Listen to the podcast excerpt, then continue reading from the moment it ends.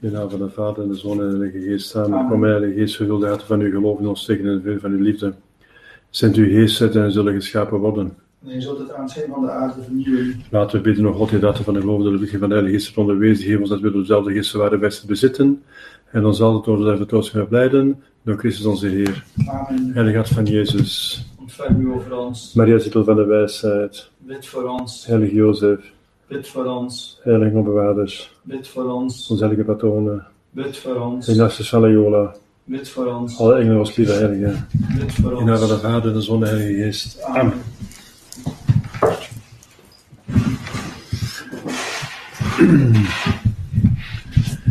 Nu gaan we weer een paar meditaties doen voor de wil te vormen. Want de wil is heel belangrijk. De wil bepaalt over de heiligheid of over de, of over de, de zonde.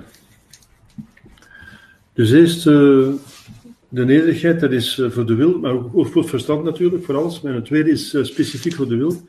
Dat gaat over de keuze.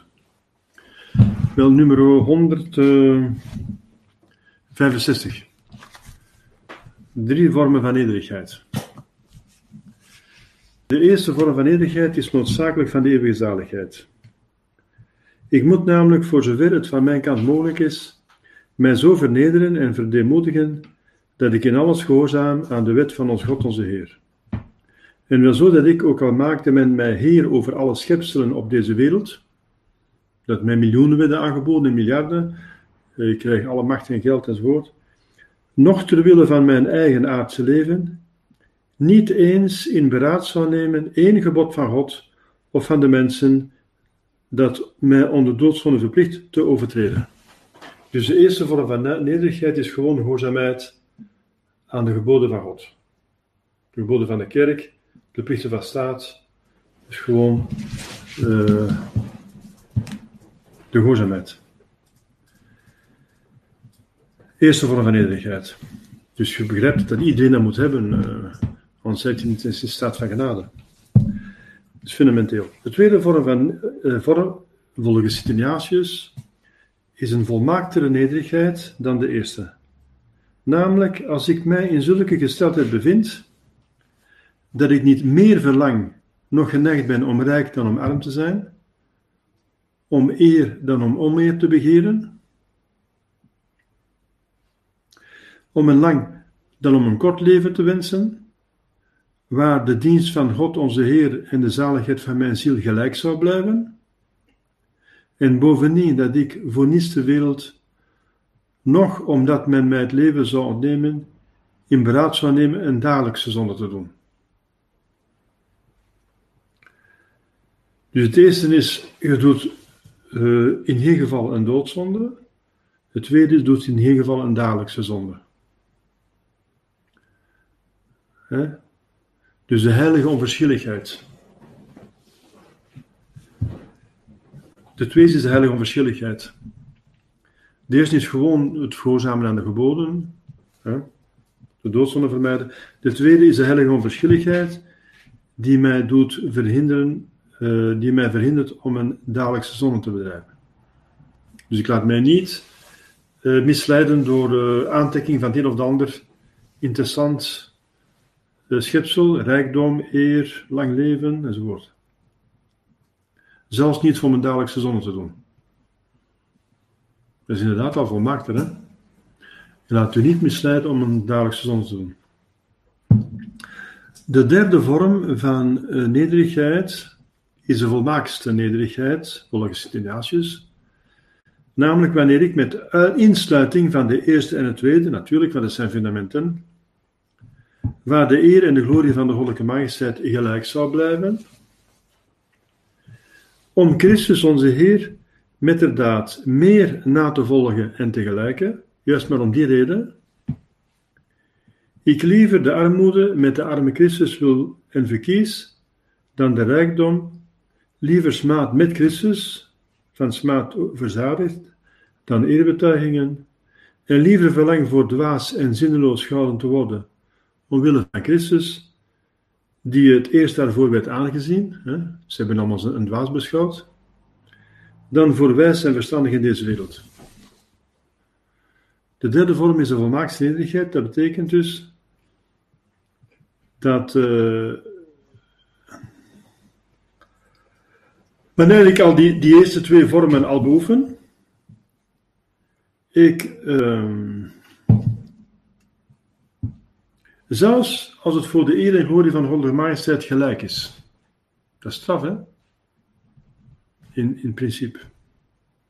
Wel, ik nog zou kiezen voor armoede, versmadingen en vervolgingen en vernederingen, juist maar om dat motief om meer op Christus te gelijken.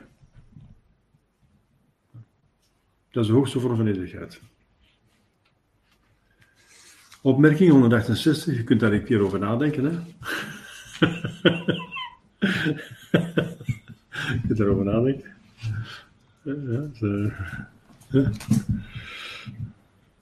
Dat ontroest, hè, zoiets uh, te lezen. Dat, uh, dat ontroest onze ziel. Hè? Opmerking: wie dus deze derde vorm van nederigheid verlangt te verwerven, die zal met veel nut de drie bovenvermelde samenspraken van een drie paar mensen doen. Dus met een drie paar mensen heb je samenspraak moeten doen en wel, doet die zelf eens een keer terug. Dat is uh, 156.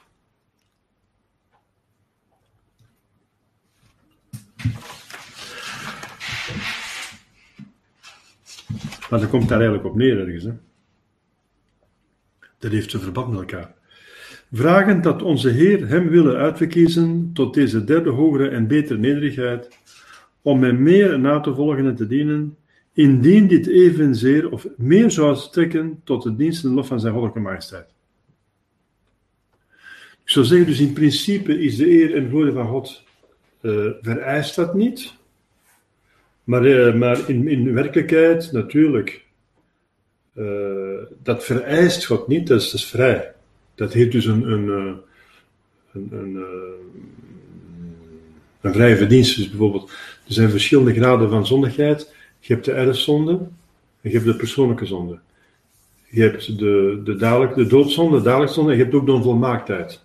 De onvolmaaktheid is iets niet doen wat je zou kunnen gedaan hebben. Een goed werk, dat is geen zonde, maar dat is goed werk dat je zou kunnen gedaan hebben niet doen. Dus het, de eerste vorm van nederigheid heeft te maken met doodzonde, de tweede met daarzonde, de derde met onvolmaaktheid. Daar komt het eigenlijk op neer. Dus de glorie en de eer glorie van God eist het niet op straffen van zonde, maar als je het doet, is natuurlijk de glorie van God daardoor verminderd. Het is geen de opmerking zegt. Hè? Dus, maar, dan moet, je moet, maar de opmerking zegt ook, je moet daar een roeping voor hebben. Om Jezus echt na te volgen in de... Dat is klooster, dat is weer de kloosterroeping, ergens. Daar moet je een roeping voor hebben. Hè? Hij zegt ook, indien dit evenzeer of meer zou strekken tot de dienst en lof van zijn volgende majesteit. Dan draaien we de bladzijde om, 169. De keuze. Over het maken van de keuze. Bij elke goede keuze moet, voor zover het ons betreft, het oog van de bedoeling zuiver zijn. Dus nu gaan we leren in concreet keuzes maken en alleen beschouwen waarvoor ik geschapen ben. Dus je houdt het eerste principe voor, de grondslag het principe voor, voor ogen, de eerste meditatie van de retraite. Te weten voor de lof van, en God, van God onze Heer en de zaligheid van mijn ziel. Dat hou ik uitsluitend voor ogen. Daarom, wat ik ook mogen kiezen, het moet zijn, dat leg ik mezelf op. Hè? Ik heb een vrije wil, maar ik wil naar de hemel dus het moet zijn, en ik wil uh, zo heilig mogelijk worden. Ik wil niet naar het vagevuur ook niet. Het moet zijn om me te helpen naar het doel waarvoor ik geschapen ben. Waarvoor heeft God mij geschapen? Niet voor het vagevuur, maar voor de hemel. En wat is zijn wil dat ik dan doe op aarde om zover te geraken? Want iedereen heeft een andere weg af te leggen. Wat is mijn weg dat ik de volmaaktheid bereik die God met mij voor heeft. Ik moet het doel niet richten, nog ombuigen naar het middel, zoals eh, de tweede paar mensen doet. Hè? Die, uh, de eerste paar mensen die willen het doel wel, maar die doen er niks voor. De tweede wil het doel, maar die gaan ombuigen. Naar het middel, maar ik moet het middel richten naar het doel. Hm? Dus het eerste paar mensen die willen het doel wel, maar die pakken geen enkel middel. Het tweede paar mensen gaat het doel ombuigen naar het middel. Het derde paar, die buigt het middel helemaal naar het doel. Dat is het laatste wat ik moet doen. Het laatste is de beste. Er zijn er bijvoorbeeld velen die op de eerste plaats verkiezen te trouwen. Dus zonder te denken of dat God het nu wil of niet wil, hebben ze al besloten om te trouwen. Maar trouwen is een middel. Het doel is de, de hemel. En trouwen is een middel. En pas als ze dan getrouwd zijn, op de tweede plaats God onze Heer in het huwelijk proberen te dienen. Terwijl het dienen van God het doel eigenlijk is en niet het huwelijk. En zo zijn er anderen die op de eerste plaats, ja, dat is de, was de kwaal in de tijd van uh, Ignatius, dat, uh, dat men dus uh, dat sommige mensen in de kerk onzuivere bedoeling hadden, die op de eerste plaats kerkelijke ambten willen bezitten, die opbrengen, die geld opbrengen, en daarna pas God willen daarin dienen. Dus wat is een van de oorzaken van de corruptie van de kerk? Dat is dat ze niet uh, gingen voor abt, bisschop, paus, priester enzovoort. Om God te dienen en voor het helpen van hun ziel. Maar omdat die een abt, die had beschikking over veel landerijen. En die kloosterling, die werkte erop, die had inkomsten. Die een bisschop, die had ook uh, allerlei bezittingen, eer, macht, uh, invloed. Paus ook enzovoort. en dat ze daarvoor eigenlijk gingen. Als ik hertog ben, dan heb ik minder landerij dan dat ik abt word. Van een grote abdij. Dus ik verkies, omdat ik zoveel mogelijk landerij wil, en geld en, en invloed, dan word ik abt. En dan pas, als ze abt zijn, dan gaan ze proberen ook nog God een beetje te dienen, zo, want ze willen toch niet naar de hel gaan, toch niet? En dan... Ziet, dat is... Uh, dat is uh, de kar voor het paard binden, hè? de zon, dus omgekeerd te werk gaan. Deze mensen gaan dus niet recht naar God, maar zij verlangen dat God recht naar hun ongeregelde neiging toekomt. En zij maken dus het doel tot middel en de middel tot doel. Dus met hun verstand willen ze wel het doel, maar de wil, die zit allemaal te kronkelen zo. Hè. Omdat ze nog willen genieten. Ze willen zowel een aardsparadijs als een hemelparadijs. Ze hebben niet begrepen dat het aarde, de aarde is om te verdienen en niet om te genieten. Hm? Zodat zij wat zij de eerste, in de eerste plaats moesten geven, op de laatste plaats stellen. Immers op de eerste plaats moeten wij ons voor de geest brengen God te willen dienen, wat het doel is. En dan pas al het rest het aannemen van een kerkelijk ambt, of als het beter is voor mij te trouwen, en al, enzovoort, wat een middel is tot het doel. Ten slotte moet niets er mij toe bewegen die middelen te gebruiken of ze me te ontzeggen, tenzij alleen de dienst van God onze Heer en het eeuwig leid van mijn ziel.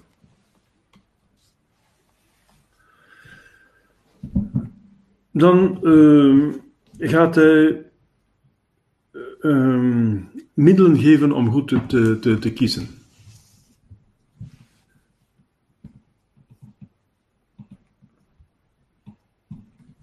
Nummer 170. Onderrichting om te weten over welke zaken een keuze gedaan moet worden. Ze bevat vier punten en een opmerking. Eerste punt. Alles waarover wij een keuze willen doen, moet onverschillig zijn of goed in zichzelf zijn. en binnen de grenzen blijven welke gesteld zijn door onze moeder, de Heilige Kerk. Het mag niet slecht of in strijd met de kerk zijn. Dus als je een keuze gaat doen, dan waarover je een keuze gaat doen, dat moet ofwel uh, neutraal zijn, dus niet slecht, niet goed, dus neutraal. Ofwel goed natuurlijk, zoveel te beter. Het moet iets goed zijn, ofwel neutraal. Maar het mag niet iets slechts zijn. Iets slechts. Je gaat niet een keuze maken over dat je je, uh, je, je werkgever gaat bestelen, ja of nee. Daar wordt geen keuze over gemaakt. Daar wordt niet over gekeuze. Hè? Dat komt niet te sprake. Dus alleen maar dingen die onverschillig zijn, bijvoorbeeld een auto kopen of niet een nieuwe auto kopen, dat is onverschillig. Hè? Dat, is, dat is een technisch middel, dat is... Uh... Iets goed kunt je ook kiezen, bijvoorbeeld ik ga een bedevaart toe naar Scherpenheuvel. Dat is iets goeds. Dus je mocht keuze maken over iets goeds of over iets neutraal, maar niet over iets slechts. Dus je mocht geen keuze maken over iets slechts. Dat komt gewoon niet te sprake. Dat is evident, hè?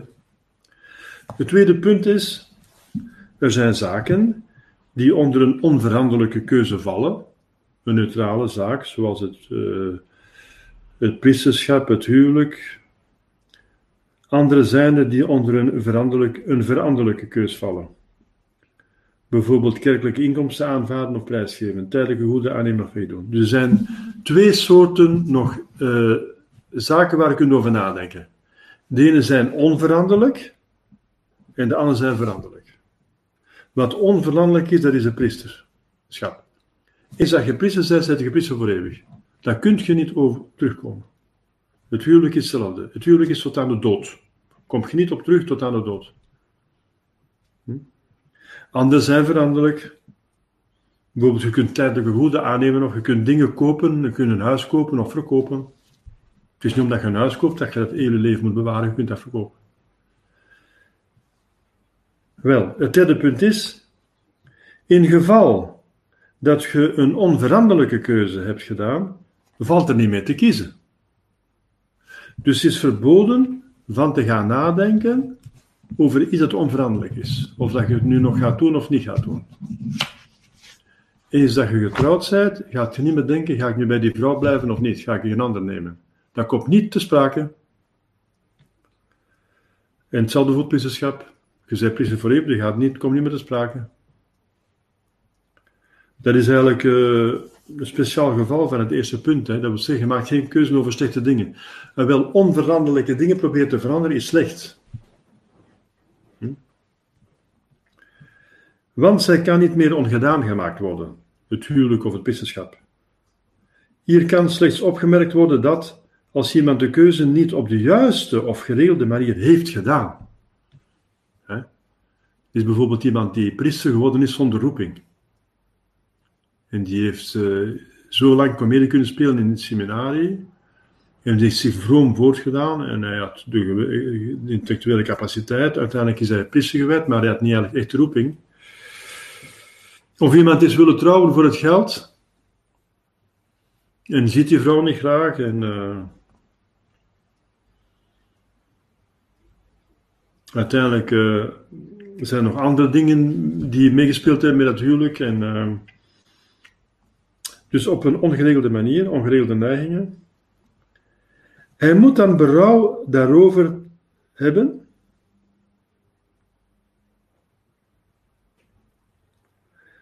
Hij moet met berouw daar, daarover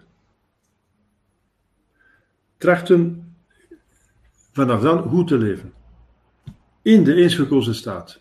Hij is nu eenmaal gehuwd. Hij is nu eenmaal priester gewijd. Dus het is met slechte bedoelingen op een ongeregelde manier gebeurd, maar het is wel geldig toegediend. Natuurlijk is wel geldig. Als iemand trouwt voor iemands geld, maar hij is toch getrouwd. Maar wel, dan moet hij daar spijt van hebben en nu moet hij er het beste van maken. Dat is wat Sint-Ignatius zegt. Hij moet onveranderlijke zaken in twijfel stellen, maar hij mag wel berouw hebben dat hij het op een ongeregelde manier heeft bekomen, dat wel. Je moet al berouw hebben over je zonde, want dat is niet uh, deugdzaam geweest wat je gedaan hebt. Zulke keuze schijnt echter, daar zij een ongeregelde en verkeerde keuze was, geen goddelijke roeping te zijn.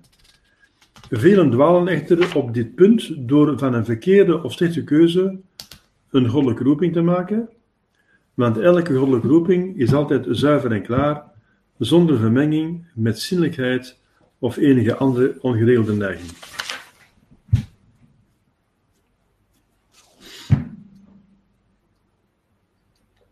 Dus je kunt niet zeggen dat God u geroepen heeft tot priesterschap en tot, uh, tot, tot het huwelijk als dat op een ongeregelde manier gegaan is. Maar eens dat je in die onveranderlijke staat zijt, kun je nog niet zeggen het is uw roeping, want het is uw roeping niet.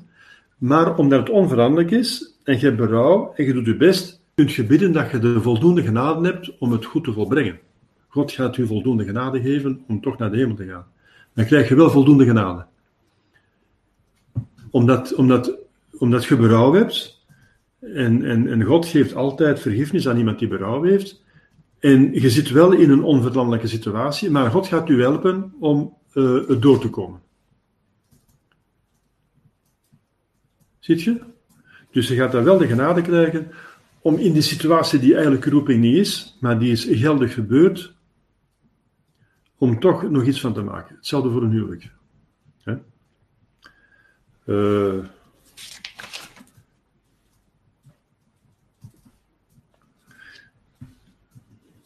Dus, dus er, is, er, is, er is niets huwelijk dat uh, de, bijvoorbeeld een ongeldigheid zal zijn. Dat gebeurt nu heel veel, dat men beslist om een bepaald aantal kinderen te hebben, niet meer of niet minder. Dat maakt het huwelijk ongeldig. Maar als iemand trouwt alleen maar voor uh, zijn geld bijvoorbeeld, of voor de, de, de, staat, uh, is iemand van uh, hoge rang, je raakt daardoor hoger op, of geld of aanzien, dat zijn verstandshuwelijken. Verstandshuwelijk, dat is, dat is niet goed. Er moet liefde zijn. Het is een liefdesverhouding, dus een verstandshuwelijk, dat is niet goed. Maar het kan geldig zijn. Hè? Je hebt toegestemd om met die vrouw of met die man te leven, heel leven lang. En dus het is een geldig huwelijk.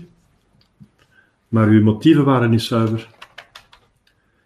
Wel, uh, dus eigenlijk is dat een ongelukkig huwelijk, want het huwelijk is pas gelukkig als er liefde is. De liefde verdraagt alles. En als er geen liefde is, verdraagt heel weinig. En natuurlijk is moeilijk. De liefde verdraagt alles. De kerkvader zegt, er moet een grote liefde zijn en dan is het huwelijk goed. En als er geen grote liefde is, dan is het een heel moeilijke zaak. En wel, maar je geraakt is moeilijk, maar je geraakt er toch door. Je hebt, dan, je hebt spijt van je ongeregelde... En je hebt toch de genade om er door te komen. Ja. Want God laat je nooit in de steek. Als je bedrouw hebt, kun je altijd met een nieuwe lei beginnen. Maar je moet wel rekening houden met de omstandigheden die, die er zijn. Je hebt een onuitwisbaar merkteken, je of je bent getrouwd met een vrouw of met een man en die band is onverbrekelijk. En daar moet je mee verder. En je krijgt daar de genade voor. Het vierde punt, maar je mocht niet zeggen dat het je roeping was. Maar je krijgt wel de genade voor om er nog iets van te maken. Dus het vierde punt is, wanneer iemand een keuze op de juiste en geregelde manier heeft gedaan, dus heeft het goed gedaan. Over zaken die onder een veranderlijke keuze vallen. Hm?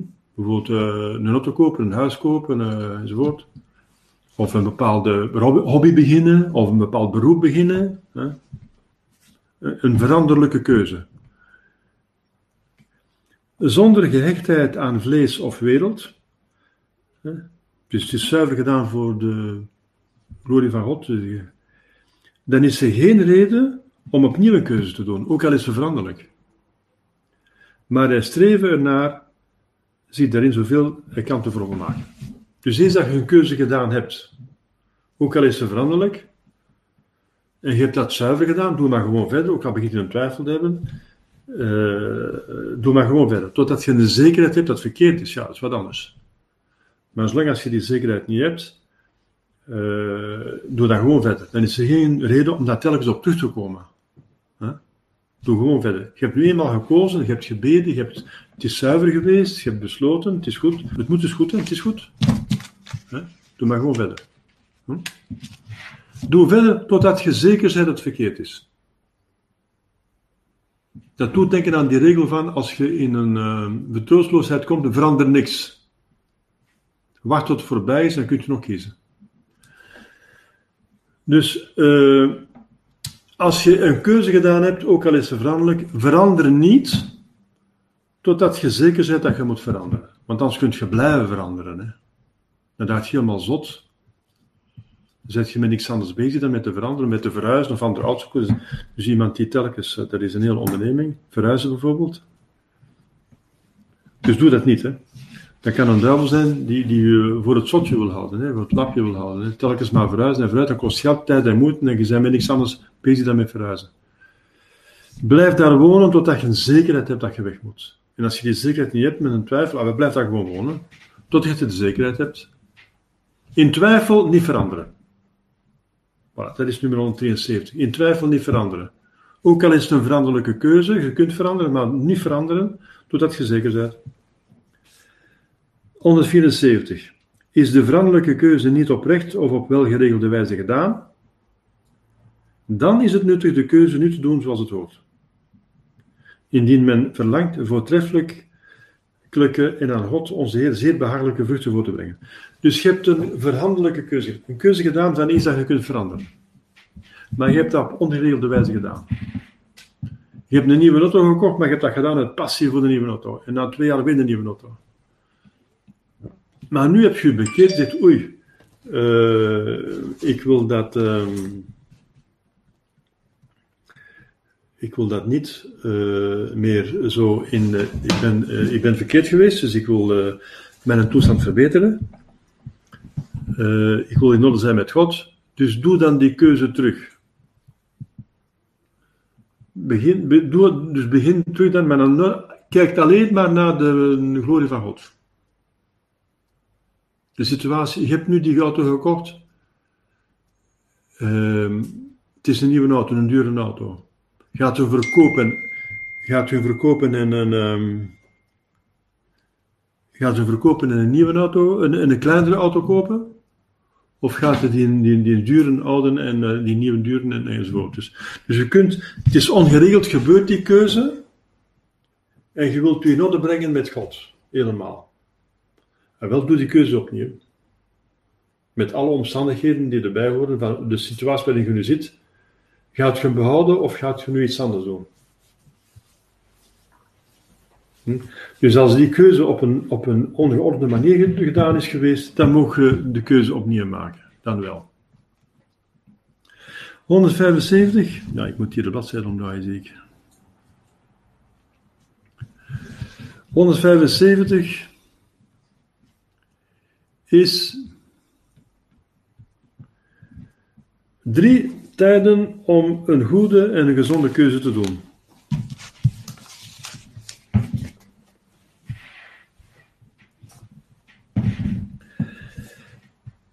De eerste tijd is wanneer God onze Heer de wil zo beweegt en aantrekt, dat die vrome ziel zonder te twijfelen, nog te kunnen twijfelen, ingaat op wat daar werd wordt voorgehouden, zoals de heilige Paulus en de heilige Matthäus hebben gedaan toen zij Christus onze Heer volgden. Ja, dat betekent dat je zo'n sterke genade krijgt, dat er totaal geen twijfel is, en het is objectief, het is niet subjectief, dat van God komt. Ja, op dat moment uh, doet je het gewoon en het is goed dat je het doet. Dat is een heel sterke genade. Hè? Dat is gewoon een heel sterke genade die je krijgt.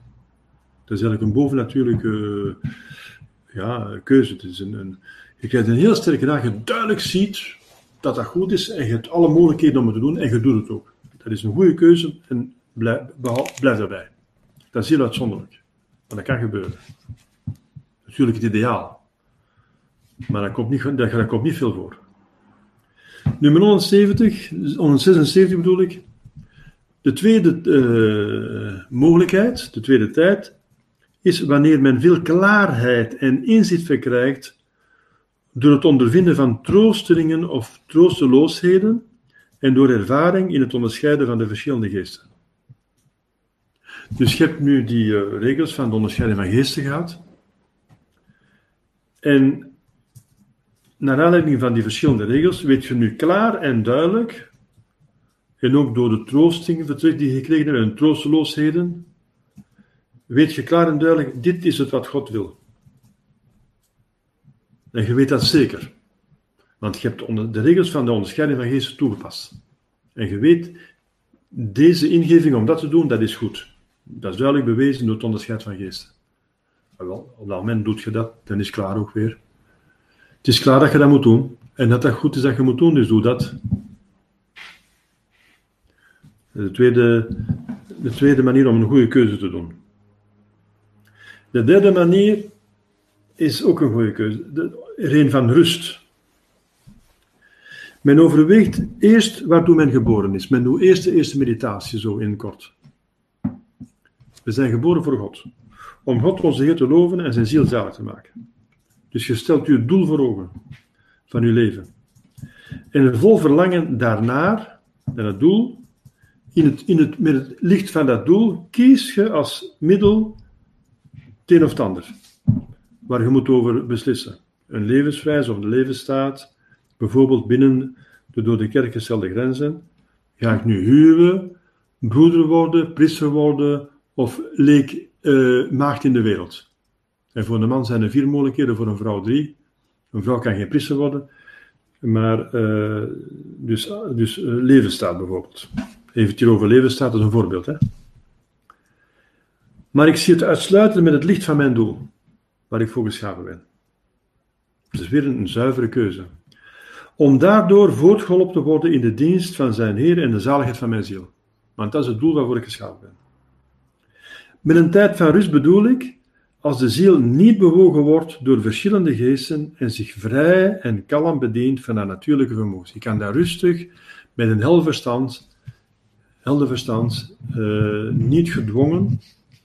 Bijvoorbeeld, eh, ik heb bijvoorbeeld armoede en eh, als ik een ambt in de kerk aanneem, dan heb ik tenminste een inkomsten. Ja, dat is niet zuiver. Hè? Of als ik ga trouwen en die vrouw is rijk, dat is interessant, dan zit je niet in rust.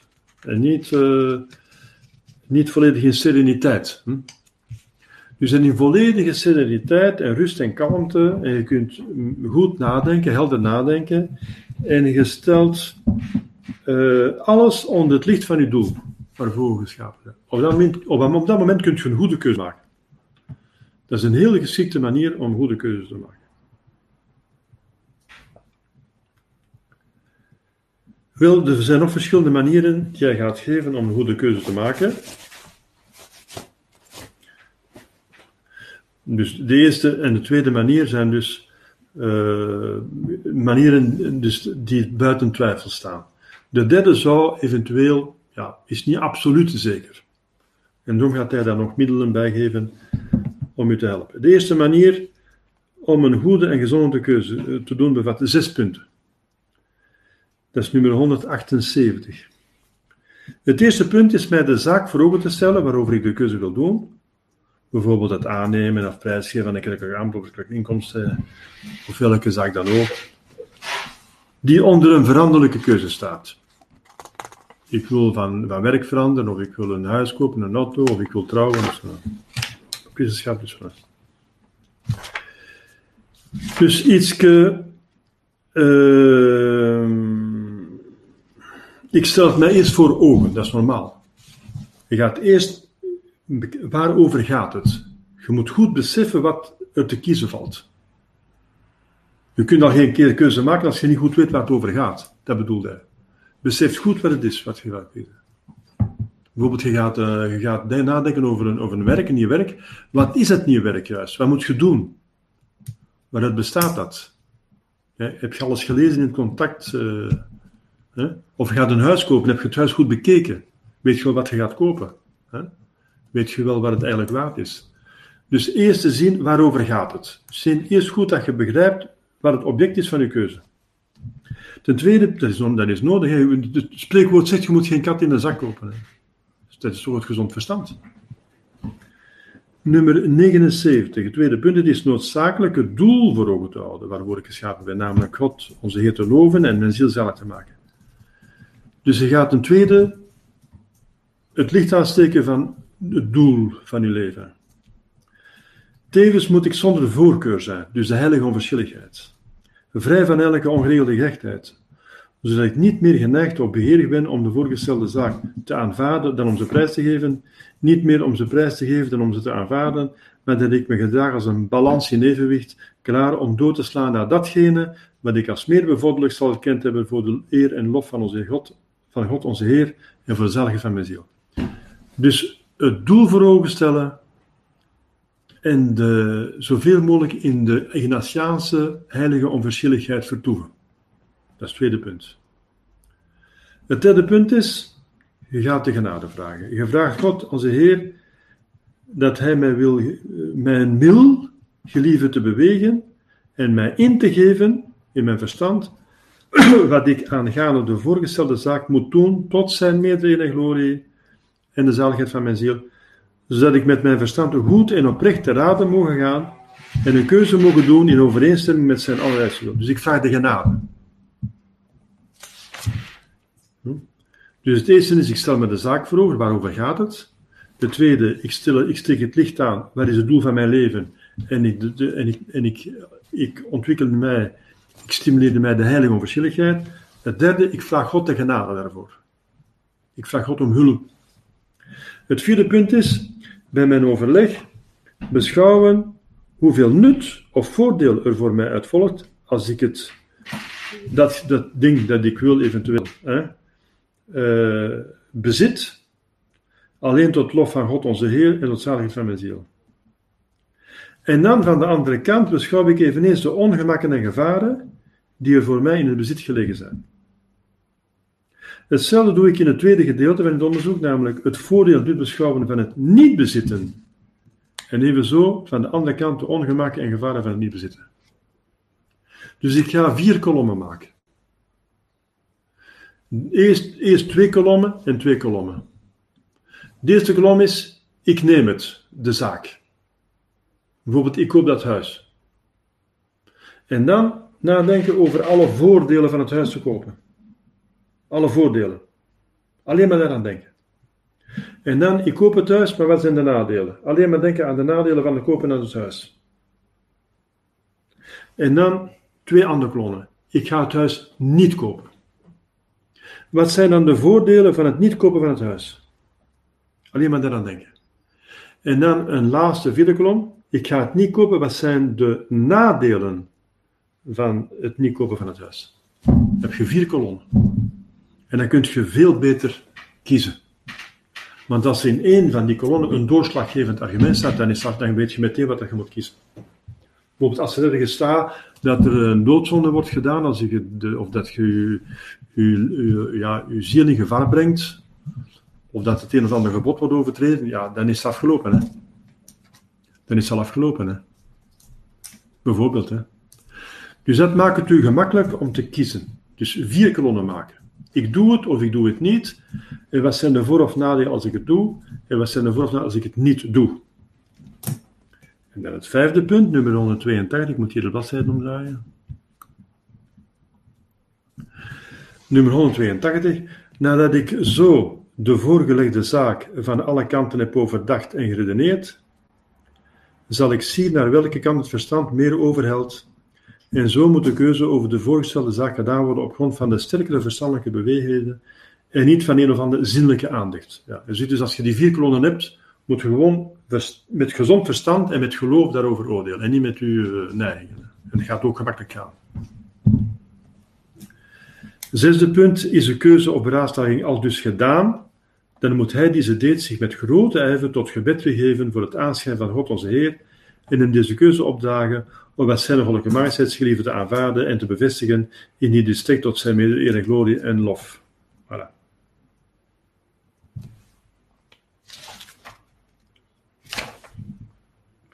We gaan hier stoppen, want uh, je moet, uh, ja, het is etenstijd, dus we gaan er op een andere keer over verder. Ja, dus, uh, dus je kunt daarover denken in je vrije tijd. Dus als je een bepaalde keuzes moet maken in je leven, je zit een buitengewone methode. Er zijn verschillende methodes, die, dat is buitengewone methode. Je zult dat zien, dat is een heel groot hulpmiddel.